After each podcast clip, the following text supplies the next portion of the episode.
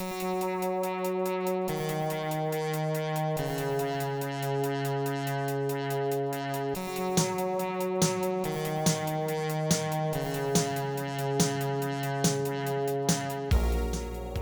to First Draft with me, Sarah Enni.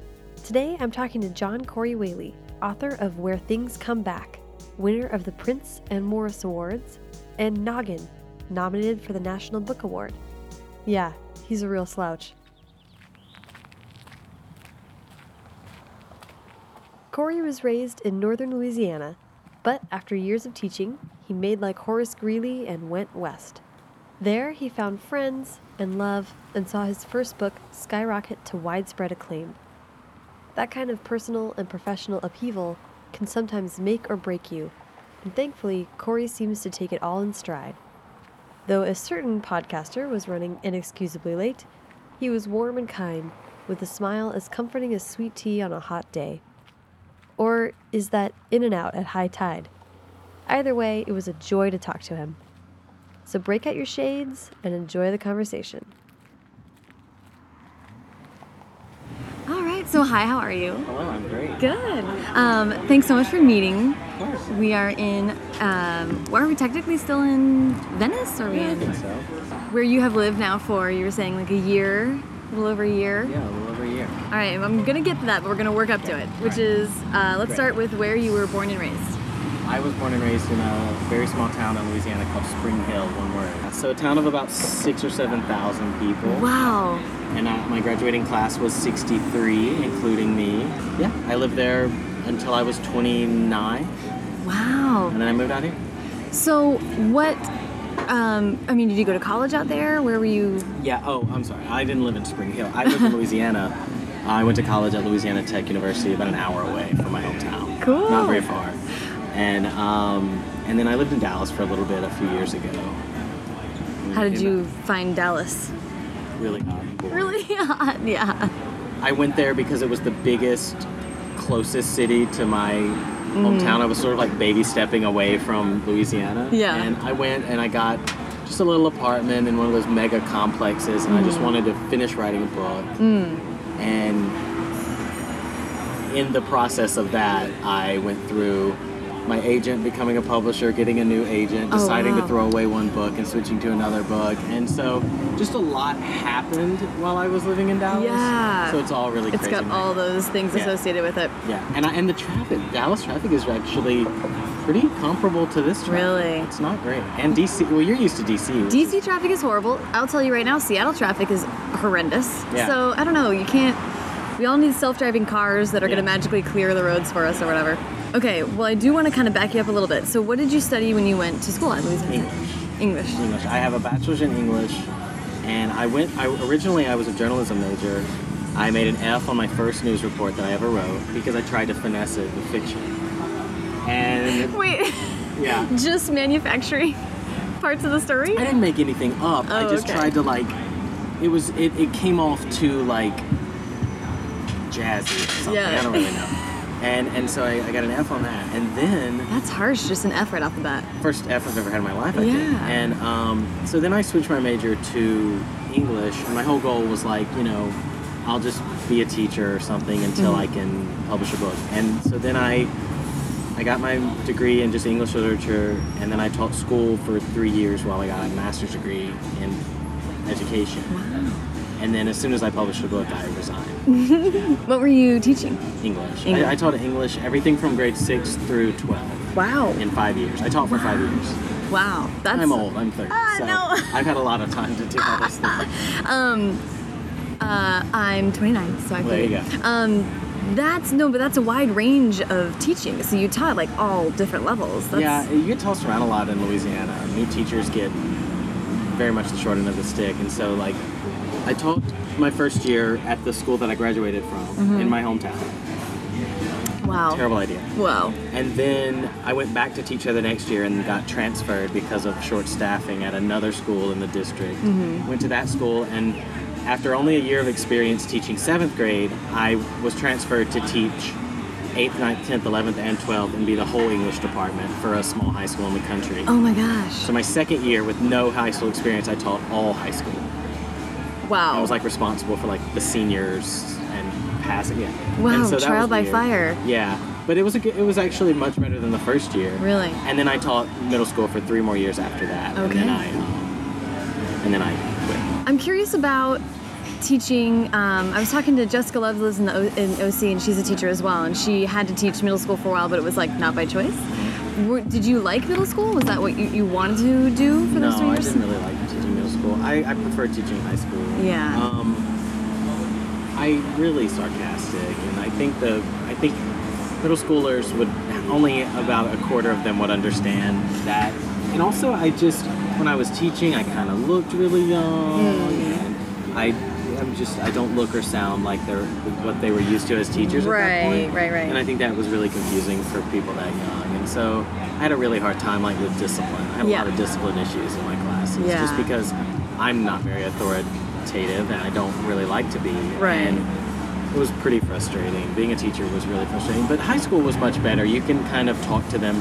Here's the deal. The difference is that the worst that a high schooler is going to the worst thing he's going to do or she's going to do is just like not do the work and be lazy and sleep. Mm-hmm. But like middle schoolers are going to like throw things and like mess with other people and like make fun of like to me it just seemed like middle schoolers are a lot more of like a noise and like situational issue. Yeah. High schoolers was like they'll just fall asleep and that's fine with me. Like just sleep. yeah. yeah. Middle schoolers seem a little more volatile.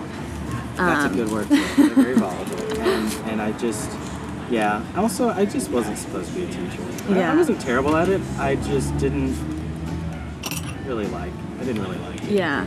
It sounds like you maybe always knew you wanted to write or be be a writer. I would say from the time I was like ten or eleven. Yeah. I really liked. I was a really bad reader when I was a kid. I'm Really? A really slow reader even now. Huh. I have a really hard time reading, like finishing a whole book. Is, is it like an like It's an audiobooks? attention thing.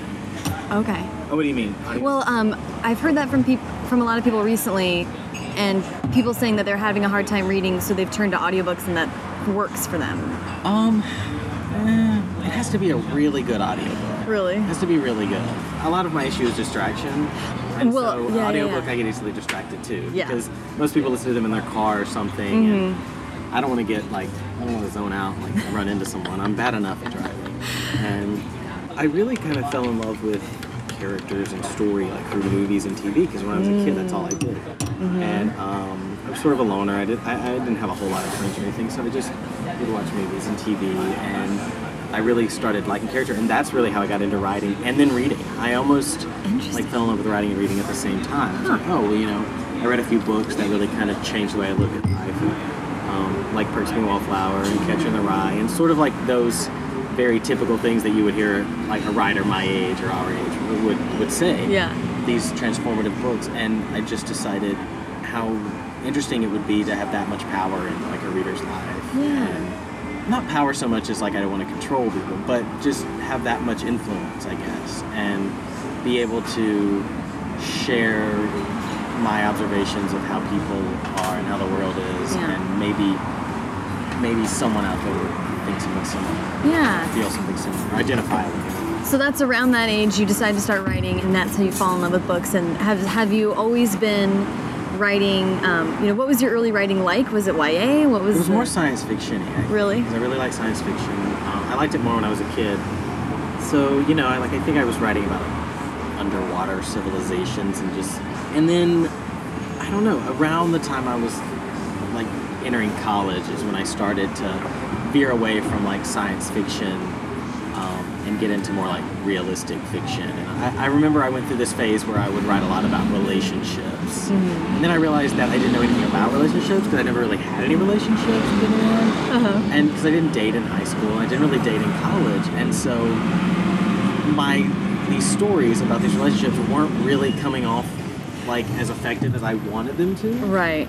And so that then I um, when I was a senior in college, I got the idea for Where Things Come Back, and sort of um, I had wanted to write a story taking place in a town kind of like my town, and um, then I heard about this woodpecker in Arkansas in a small town, and it sort of just struck. It, it literally, I was like, this has to be the book that I finally finished. I'd never finished a book before that. Oh wow. Okay. Never. I'd gotten about 100 pages into a really bad book about a relationship years before. Uh-huh. But um, So I started it that year, and then I finished it the year after my first year teaching. in Wow. The summer after. That's incredible. That was so.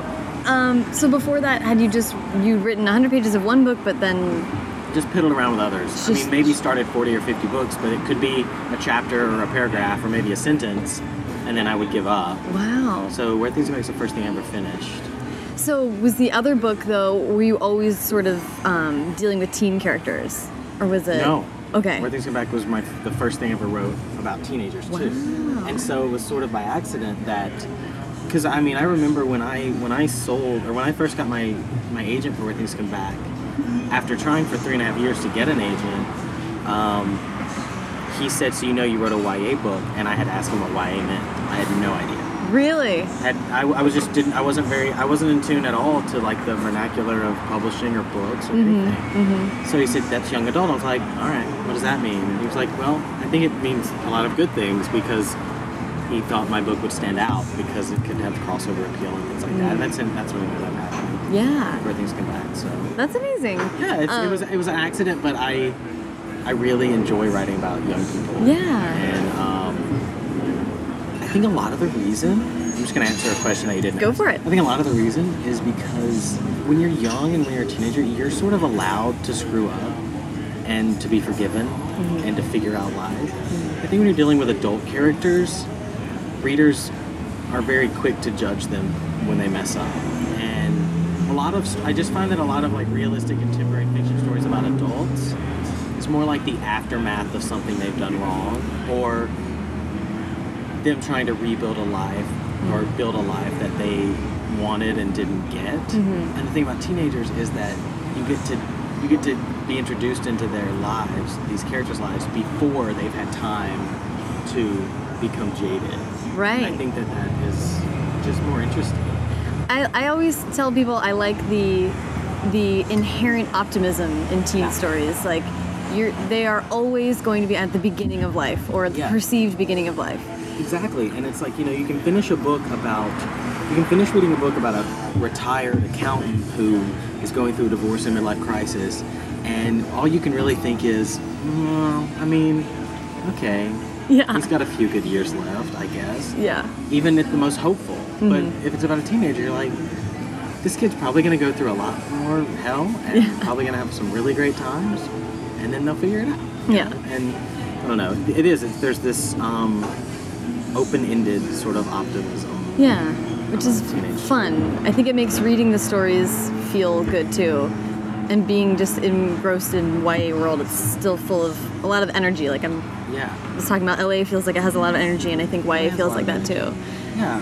I think I think it can I think it can work in two ways though. I think in one sense I think a book about teenagers needs to be at least and I, anyone who reads my books knows that needs to be very realistic mm-hmm. and maybe not it doesn't need to be I, I'm very much against like the sugar coating tying in a bow thing because I don't think anyone's adolescence can be tied in a bow. And I think to end a lot of books that end on like the perfect relationship it just not there's anything wrong with that but i just hope that teenage readers keep in mind that the characters are still teenagers Yeah. and that their perfect ending is not an ending at all Mm-hmm. it's just an ending to that part of the story that, that the author lets them have you know? Yeah. and so I, I my only issue with that is and i mean i'm of course i'm like the king of like vague open endings but i just know that sometimes i don't I, I don't find comfort at all in like an ending that's very finite for a teenage character because I'm like, well,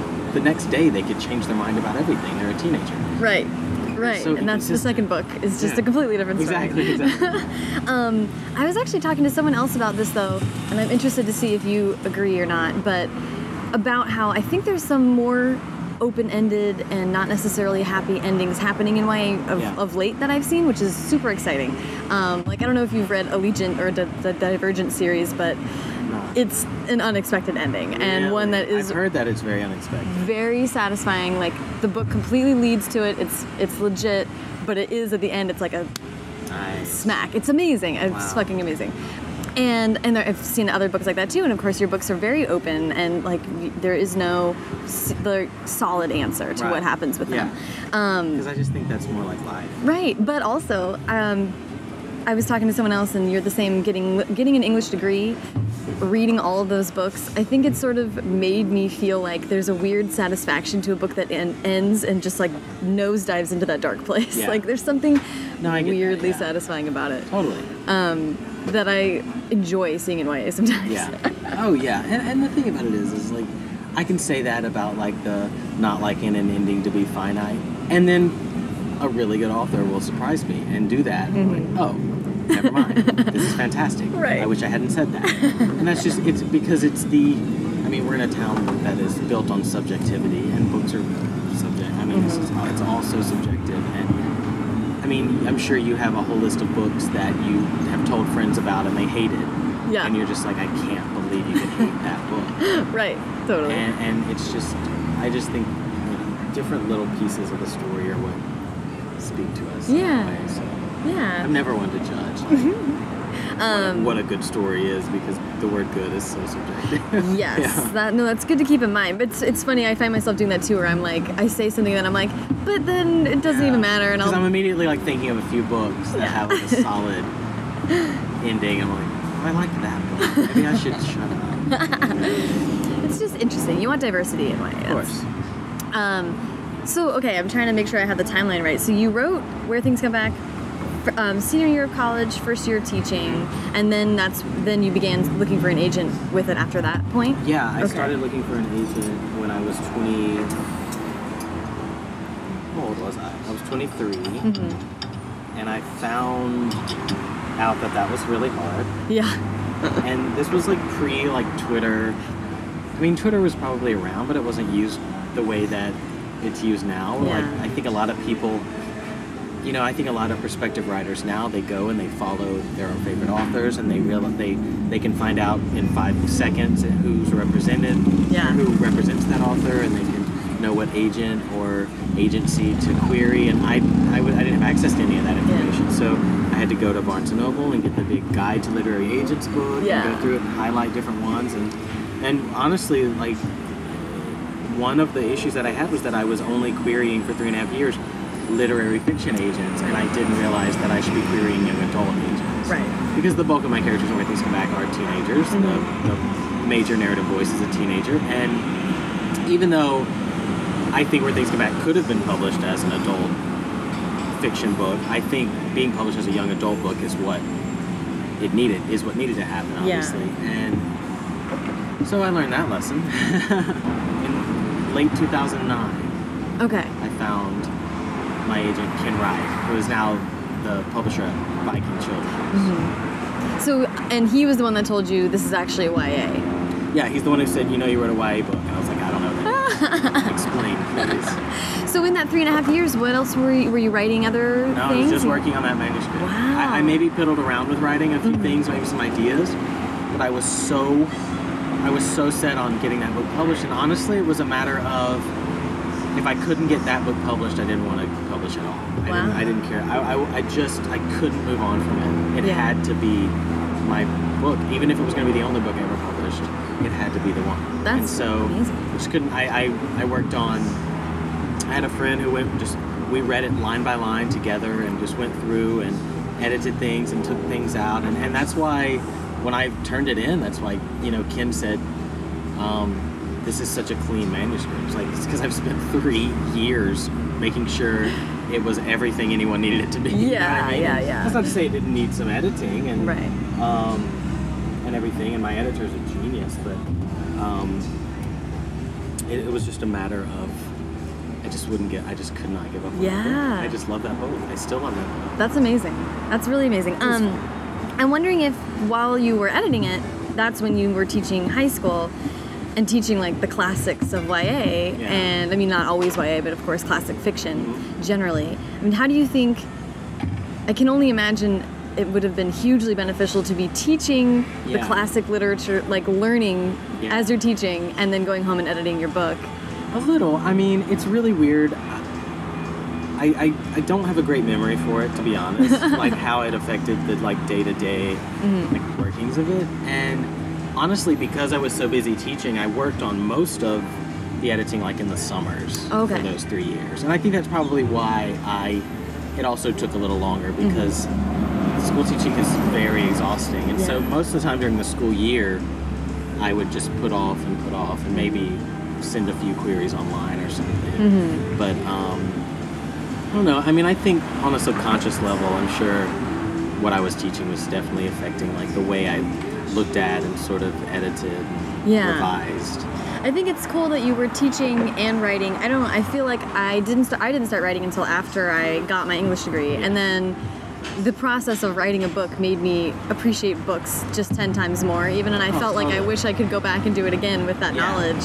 Yeah, completely. And you and whatever the the adage the adage is you have to teach to learn. So Yeah. it's kind of interesting that you had that experience right Yeah. right when you were writing this book. Yeah. So- Well, I always get asked if if um, if like former students like inspire characters, Oh, and that's not the case at all for me. interesting. It's weird. It's I, I very much had compartmentalized like the teacher me and the writer me, mm-hmm. and in the weirdest way. I mean, I think they, that there's probably a lot of like subconscious effect going on between the two, but I, it's really hard for me to see like on an overt level to see how teaching in any way has affected my. Yeah. I. I, because I don't really, I don't really remember like modeling any characters after any particular student or I don't really know that teaching taught me that much about teenagers that I didn't already know. I don't know. It's Really? weird. It's weird. I don't know. That's funny. I think it's I think it's just a way of like compartmentalizing and dealing with yeah. the trauma of being a teacher. I was gonna say it doesn't sound like it was the best fit for I had a really good last. The last year I taught, I taught gifted and talented kids, and that's not to say that they're so much better than other kids at all. It's just to say that I had really small classes, Mm-hmm. and, and I didn't have to teach the to the curriculum of the state. and so I was just able to do whatever I wanted. That's awesome. And of course, that makes anyone's job a lot more fun and easy. And so I taught Macbeth to eighth graders for like six weeks. Cool. It was great. We just did a table read of it, like we were a cast. That's awesome. And so we just like we combined all the desks and we just everyone got a part every day and we just went crazy with it. Wrote Oh. papers, did projects, and that was really fun because that was like my favorite thing to learn when I was in high school was to read about was to read Macbeth. That was my favorite Shakespeare play, and so we just spent forever on it. I'm sure awesome. they had to reread it again in high school, and hopefully they all aced. yeah, exactly. Yeah. like I know this one, I got it down. Totally. Um, so that's amazing. So, um, so you edited it for three years, then, then you moved to Dallas. When was? I moved to Dallas in spring of 2012, so my book had been out Oh. a year when I had moved to Dallas. Gotcha. Okay. Yeah, and that was my book came out in May of 2011. Right. Where things come back. And um, and then I traveled for a while, Yeah. on and off, just from the book, and then um, and then I moved to Dallas. Cool. So it was kind of you were taking the baby step towards out of hometown, I think moving so. to. I think that was part of it. I think Yeah. that was part of it. I needed to. I just wanted to live somewhere a little bigger and Mm-hmm. um, easier access to like the airport. I was traveling a lot. Yeah. Um, living in Dallas made it a lot easier to travel. too. Yeah. I think you were on tour with Maggie Stiefvater and um, Lemony Snicket. Yeah, I was like, and Daniel Handler. How was that? That was really fun. That was Yeah. really fun. We did about Maggie and I did a couple of events without Daniel. Mhm. Daniel did three events with us in San Francisco. Mhm. And that was great. They're really sweet, both of them. Yeah. Yeah, it was really really fun. As a debut author, were you like taking notes? Were they like helpful in getting It your? was a little, yeah, a little. It was weird. At that point, I had toured for a year. Okay, like so on you and were. off for a year, so I didn't I didn't feel as novice as I probably should have felt. I was like, oh, I got this, you know. But um, it was really sweet. Anna Handler was like really because this was like our. The reason we all toured together is that Daniel and Maggie were both Printz honor books the year that I won the Printz in Yes. And so we did a little mini tour together, and one of the sweetest things anyone's ever said. We did this like we were all like basically on a panel together Mm-hmm. at this bookstore in San Francisco, and someone from the audience said, "What was your favorite? What's been your favorite thing about the Printz Award?" Mm-hmm. And um, Daniel said, "My favorite thing about the Printz Award this year was Corey winning it because I read the book way before." And I just wanted this book to win. So, and it was just like Lemony Snicket just said that his favorite thing was me winning and beating him, and that was awesome. That's amazing! Oh my Not god. beating, but you know what I mean. And it's just like He's one of the most generous, gracious people I've ever met. That's so sweet. Yeah, and I've been meaning to get back to San Francisco just to hang out with him, but I haven't been back up there since then. You gotta get And um, he's a great guy. He's a really good guy. And Maggie, Maggie and I had a lot of fun together. Maggie is nearly as neurotic as I am. Pretty neurotic, and um, so we had a lot of fun. And she has this great publicist, Becky Amsel, and just the three of us, like driving in my rental car in LA to like some I don't know, some library in Burbank or something. I don't know where we went. And it, we just had a lot of fun. I'm a terrible driver. And they were just like, Corey, Corey, Corey. And it was just really. And Maggie's like huge into cars and stuff too. So I know. At, in retrospect, like, why didn't I make Maggie drive? I realized that I wasn't, I was mostly just a chauffeur for these two. women. that's not a bad place to be, man. That Yeah, sounds like fun. It was, it was, it was a lot of fun. It was really fun. So. That's awesome. Well, I'm jumping around a little bit, but I do want to go back and talk about the Printz. Um, how did how did it come about? How did you find out that you were nominated? How did the whole process go So- down? Well, so the Printz is you, you, um, It's kind of you, don't, know, until right? you win or Okay. get an honor, like Right. at all. So that year, um, Where Things came back in May of 2011. Mm-hmm. It, it did pretty well in indie stores, got on a few lists, but for the most part, the sales were pretty stagnant and not really much attention as far as like media wise or anything. Mm-hmm. Um, and then I got nominated for the Morris Award, which is a debut fiction award from the American Library Association. I got nominated for that in October, and so that was really cool. And I thought, wow, that's really neat. Yeah. Um, but of course, my other thought was, I bet this means I'm not in the running for the Printz if I'm on this list for the Morris. So it was kind of like, that's neat, it's fine, whatever. And so we get to the weekend of like the Morris and Prince Award, and I get a call. I'm playing ping pong with my best friend Ben Jenkins in this little bitty town right down the road from mine in, in Louisiana. I'm still awesome. living there. so I'm playing ping pong with, with Ben and his little brother Colin, and um, I get a call, and it's it's obviously I'm on speakerphone somewhere, Mm-hmm. and they're just like, "Hey, hi, is this is this Corey?" I'm like, "Yeah, is this me?" and they're like, "Well, this is this is the Morris Committee, and we just wanted to call and let you know that you um, you won." I was like, "Oh my gosh, it's crazy! Thank you so much. I'm so just baffled." And so I got off the phone, and then I get a call from one of my um, one of the marketing people at Simon Schuster, and she says, "Look, we know that you are four hours away from Dallas. ALA Midwinter is in Dallas this year. If we get you a hotel room, would you drive in the morning?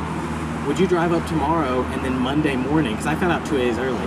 And then Monday morning, you could actually be there to accept it, which is really rare because authors usually don't go to Midwinter and um, and it's really rare for the winter to be that close. So I said, yeah, let's do it. So the next day, I drive to Dallas, about 40 miles outside of Dallas, and I had just gotten off the phone with my agent, and I just said, you know, this is really cool, really neat, and everything. Um, I'm glad I'll get to be there. And I was like, yeah, but but there was sort of this like, I was really honored to win Mm-hmm. Morris, but there was sort of this like, in my mind, I was definitely thinking like, this takes me out of the running for sure of the Mm-hmm. Printz because there's never been both. And then, 40 minutes outside of Dallas, I get a phone call from a strange number, and so I answer it, and they say, "Hi, is this Corey?" And I was like, "Yeah." She's like, "This is Aaron Helmrich from the Printz Committee. Do you have a second?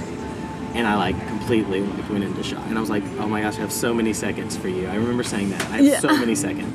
so I was right by an exit, so I exited off the Yeah, good good idea. Pulled into a convenience store, and she and they just all started like yelling and saying, "We're just calling to let you know that you have won the this year's Printz Award."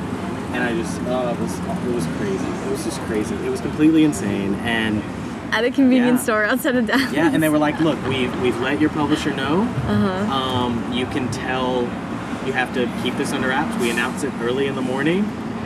And um, and they said they said we know you're also a nominee for the Morris. And I was like, yeah, that's true, but I couldn't tell them. Oh, you can't cross contaminate the right. committees. Like you oh my god. But I but and they said something. Um, I said, well, I'm actually I'm 30 minutes outside of Dallas. I'll be there in the morning.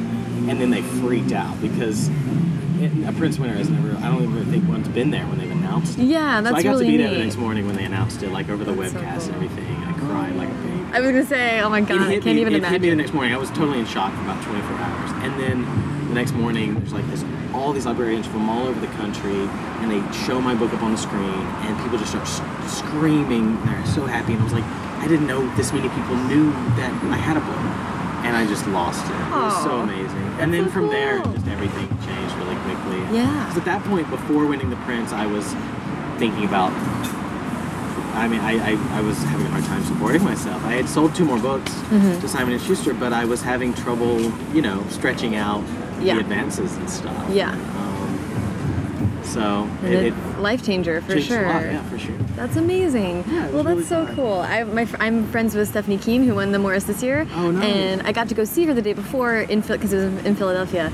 And then I was at my day job watching the live stream, and I was just like, Stephanie, know. what? I was like losing it. It's really, it's really, it's crazy because I, and I feel bad about it because it was like before I became an author, I really, I don't think I ever took the time to just sit back and understand what librarians do Yeah. and how much of an impact they make on their communities Yeah. and kids. Yeah. And I just, I have met the most fascinating people. These librarians from all over, all over. Yeah. And it's just been so crazy inspiring to meet these people who don't really make that much money. Work ten times harder than I will ever work in my life, and do it because they just love books and they love kids. Yeah. And it's crazy to be around that. Yeah. And it's really contagious to be in a room full of librarians because they they don't it's not just like someone who tells you oh i like i enjoyed your book it's like they you feel it they they give you a hug because they liked your Yeah. book so much and They're professional advocates. You can. exactly They're I'm- just enthusiastic for a living. yeah and i'll never forget um the first time i ever went to the newbery awards. I my book had just come out a month before because it was in new orleans so i drove down and simon schuster got me tickets to the newbery awards. I went and i met this librarian from new york. I didn't know anyone knew my book except the people in my family. Yeah, All right. and she came up to me and she said are you john corley i was like yeah and she teared up. She was like i just have to hug you because your book i was like oh That's so cool. and I was addicted to librarians that moment on. You know what I mean? Like, That was Yes. that was it for me. Oh, that's so sweet. Yeah, I'm. The so so at that point you said you'd already sold two other books and you had uh, were you already at work on Noggin or how did those two new other I books come was about? I had just finished the second draft of a book that I did not publish, and then I wrote Noggin instead of that. Oh, okay, okay. Um, I wrote that book twice, and it just wasn't working. yeah. So my editor and I decided. Um, I had just finished the second draft of it, Mm-hmm. the second version of it, really, the week before Mm. the Printz, Oh wow. which was also my birthday week. Oh my god, really? So it was really strange. Wow. And I finished it on my birthday. So I went into that weekend really confident that I had just written another book and that if people asked me about it, I could say, oh, you know, I, I, I just finished the second book.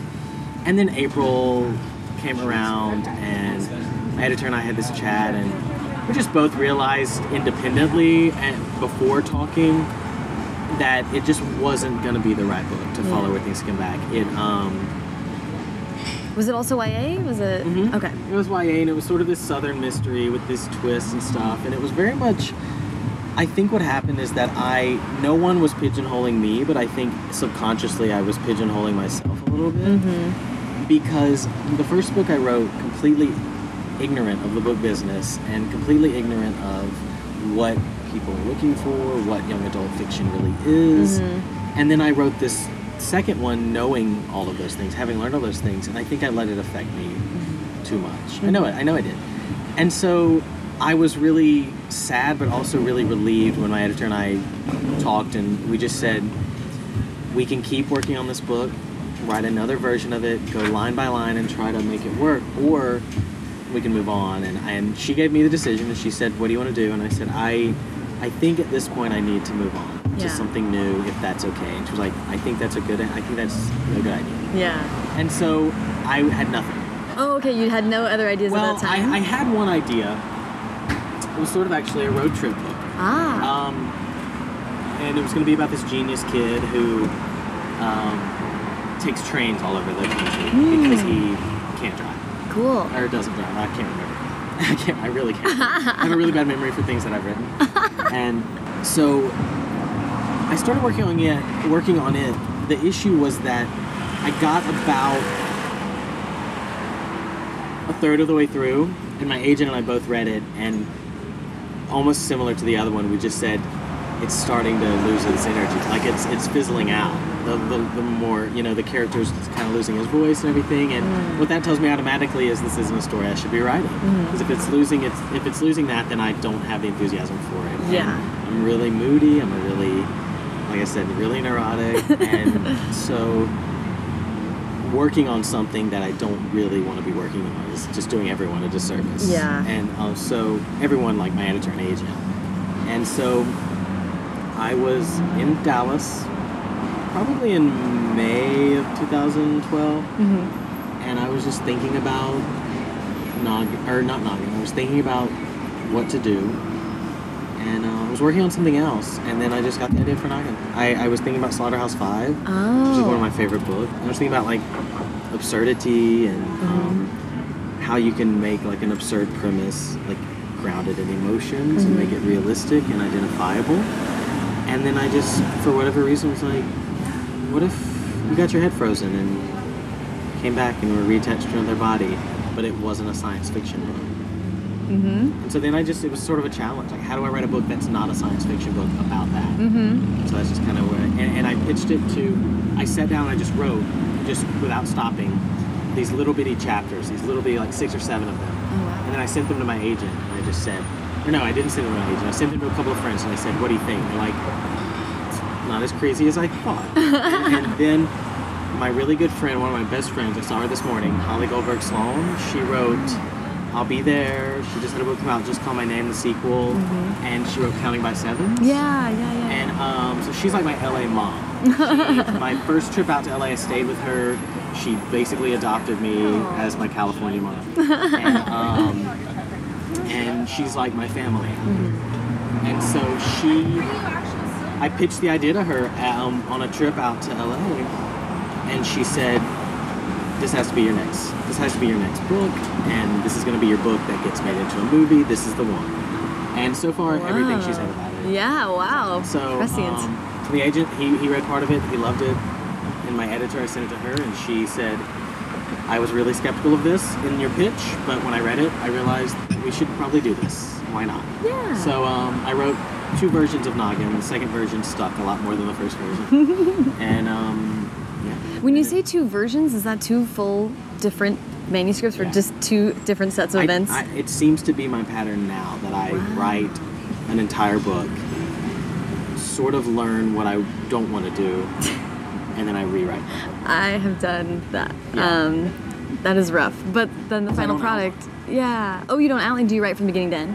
Oh, okay, okay. The project I'm working on now, which I can't talk about at all, sorry, Uh, but that's okay. um, only because I changed so much that I'm afraid to do that. But the thing I'm working on now, I'm gonna, I'm sort of working on a, sort of a vague like plot structure for, How's only that- to keep myself disciplined. I was gonna It's- say, it's- how's that going? It's it's yeah, yeah slowly. it's going really slowly. So yeah. Um, okay, that's really interesting. And I was just talking to someone the other day about that this exact type of contemporary is so fun, where it's like just uh, it's on the borderline of of a real world situation. You know, like like crazy cults and like things they're real. You know, occult Yeah. occurrences, vortexes in the desert. Like Yeah. it's real life, Sure. but it's totally crazy. Yeah. And but but when you have a character that's giving getting you through it, and you're really thinking about it from an emotional standpoint, those are such satisfying stories. So Yeah. um, I love Noggin a lot. So Thank I'm excited about sweet. it. That's very sweet. Um, I have a hard time reading young adult books when I'm writing. Yeah. Um, because you don't. I mean, you don't want to be that person who accidentally steals Right. some voice or some device that's being used by this really good author. Mm-hmm. And some sometimes it's just discouraging. Yeah. You know, you can you can be reading a really good book or a really bad book, and it can discourage you. Yeah. Either way. I, I know some people who are like, oh, well, I read this really bad book, and I was like, oh, you know, I can totally do this. I'm so much better than this. I don't feel that way. When I read a really bad YA book, I'm like, oh, what's the point? Why am I doing this? I get like really like depressed about like the whole like Oh, no. genre, and so like I don't, I don't, I try not to, I try not to pick up too too much YA. yeah. It gets hard though because you know you you get asked to blurb other people's books and things like that. So you try to space it out in a way where it's like, okay, I can read this person's book this week because my deadline is on this day. and Yeah. I know that I'll have a few days where maybe I'm not working or maybe I'm just rewriting, so it's okay. Mm-hmm. So it's, a, I mean, it's it's weird. It's also just a matter of I'm just not a good reader. I, I, I, I have terrible attention span. I can I can write much better than I can read. That's so funny. It's really it's, It's- really it's frustrating actually Uh, because this job requires a lot of reading and I enjoy reading. It's not it's not about the enjoyment of it. It's it's that it just it takes a lot of effort for me to sit down and focus on a book. for several hours. Yeah. Well, yeah, it's it does take a lot of time. That's Yeah. for sure. I haven't been able to read on this road trip at all, and it's making me feel crazy. Oh, I'm sure. Um, sure. There's just no time. Yeah. Um, okay, we'll get to um, to location and setting really quick. I feel like setting is pretty important to you in, Yeah. in your writing. Totally. Is it part of the uh, when a story idea comes to you? Is the setting immediately already in place? Yeah, usually, you know, for where things come back, it was sort of like I knew the setting before I came up with the story. I Really? knew that I needed to tell a story about a small town in the south. Mm-hmm. And then I and then the characters started coming to me and the whole situation. Mm-hmm. And um and then when I came up with the idea for Noggin, it was the idea first. The character and his situation came up first. But then I realized it was like, okay, I don't want to write another story set in the South mm-hmm. because I feel like I've done that and I don't want people comparing. I didn't want to follow one really Southern story with another really Southern story. Yeah. So I set it in Kansas City, Missouri, which is Southern to some people, but to someone who grew up in Louisiana, Missouri is not the South. Right. I mean, it's sort of on the border. Mm-hmm. And so the thing that Kansas City did was um, it was sort of middle America, mm-hmm. could be any mid-sized city in this whole mm-hmm. country, could be compared. Not to take, I love Kansas City, that's why I set the book there, but the other reason was because the story wasn't supposed to be as geographically influenced as the first book. Right. It was supposed to be about what was happening to him. The first book is about place, and the second book is about time. And so it didn't really matter where it was happening, so it needed to be somewhere somewhere that could be readily identifiable to anyone. Yeah. Um, It- this story could be happening anywhere. Exactly. And in the story of the book, that that process procedure is being done everywhere. so- Exactly, exactly. And so that was sort of part of it. And then this new book that I'm working on, I can tell you, is happening in like suburban Los Angeles. Okay. So I mean, part of that inspired by living here. Mm-hmm. Another part of it being inspired by well, it's the town that my boyfriend is from, There which I find fascinating. and um, part of it being that I think I will always be interested in the way that a community of any size affects um, characters. Mm-hmm. And what I have been most interested in exploring in this third book that I'm working on is the similarities between a suburban California town, uh, which, you know, everyone there says, "Oh, I'm from a really small place," but it has a hundred something thousand people, and I'm from a I'm from a small place that has seven thousand people. Right. So, I think it's really interesting. I've seen a lot of that being said, I've seen a lot of similarities between my small conservative town and this, you know, relatively small compared to Los Angeles, Right. um, pretty conservative community as well. So I, I think yeah, setting is definitely a huge factor. And what what drew you to Los Angeles? If Dallas was not really working out, how did you decide to come all the way out here? I I don't know. I came out here in 2011 in October 2011 and I had been to New York several times and New York and I we have an understanding. We're good for about 4 or 5 days and then I have to leave New York. It, it's just it's really busy. There's a lot of people, which is exactly just like Los Angeles, except here I can get in my car and no one can bother me. in New York, I can't do it. Yeah. I could, but I don't want to drive anymore. so, um, when I came to LA, I sort of saw that it had a lot of what I loved about a big city, but it also had like this natural appeal to it. The beach, the ocean, mm-hmm. the palm trees.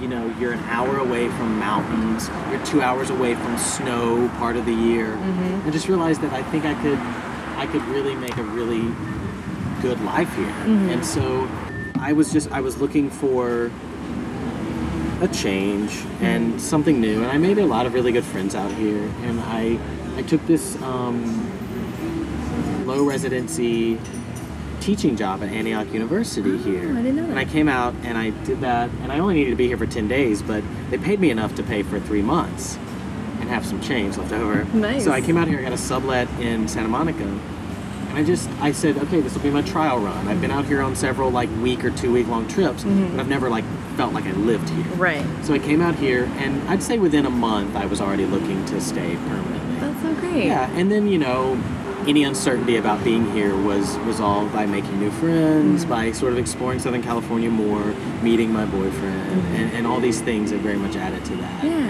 What is and last question is just what what is it about LA? Do you think that LA has has impacted your creativity in any way or, or generated new creativity in any way? Yeah, I, you know, I think the most fascinating thing about LA is everyone here, not just has everyone here got a story that they desperately want to tell and get paid a lot of money for, um, but it's also it's you grow up sort of like there's like two cities in this country that people grow up dreaming of escaping to New York and LA.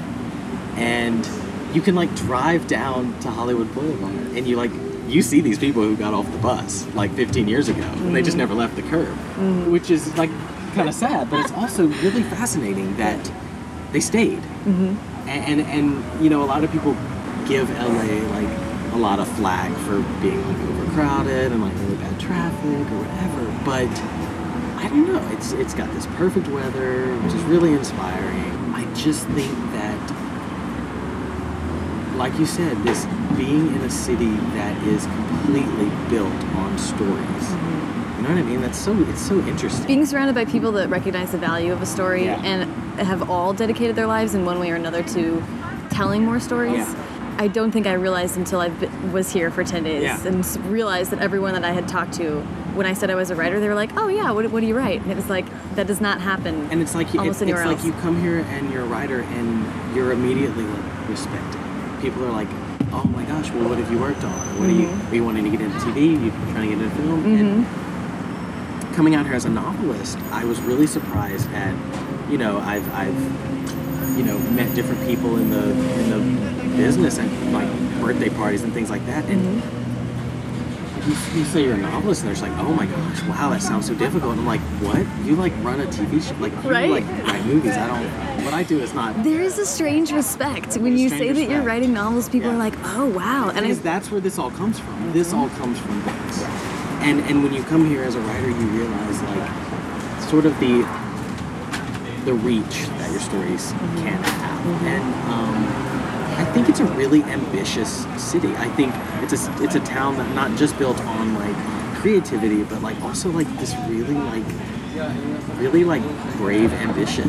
And I think that that's really inspiring. I think being around people who are like sort of endlessly ambitious is interesting because I living in a small town in Louisiana, it was really easy to write off dreams as just dreams. Mm-hmm. But living somewhere like here, where you actually meet people very frequently who like had a crazy idea that worked for them, yeah.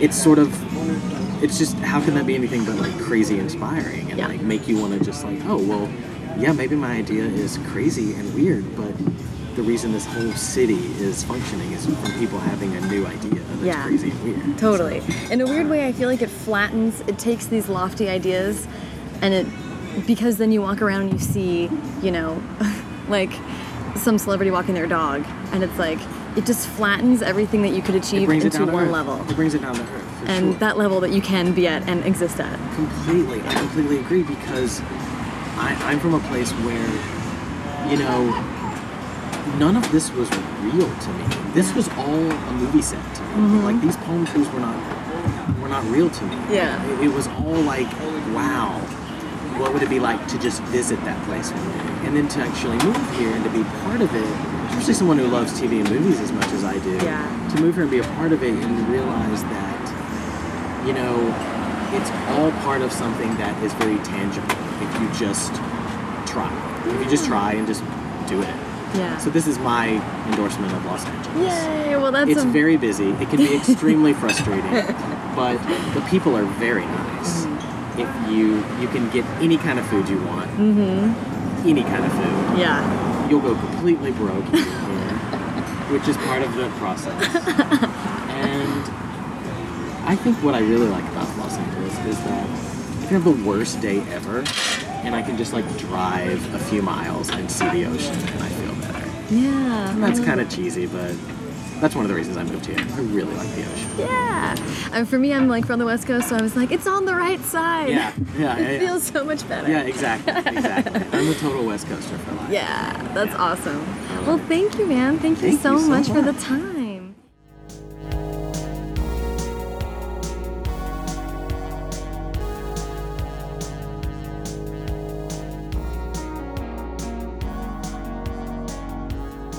So much to Corey.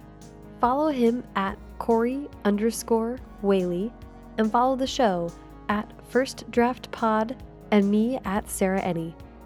You can check out the show on Instagram and Facebook too, but for all the latest and greatest, check out firstdraftpod.com. There you can find ways to donate to the show, or for absolutely no cost, you can give the show a rating on iTunes. Rating and reviewing helps appeal First Draft to the Apple overlords, and I'm thankful for every little bit. Thanks to Hash Brown for the theme song, and Colin Keith for the logo. And as always, thank you so much for listening.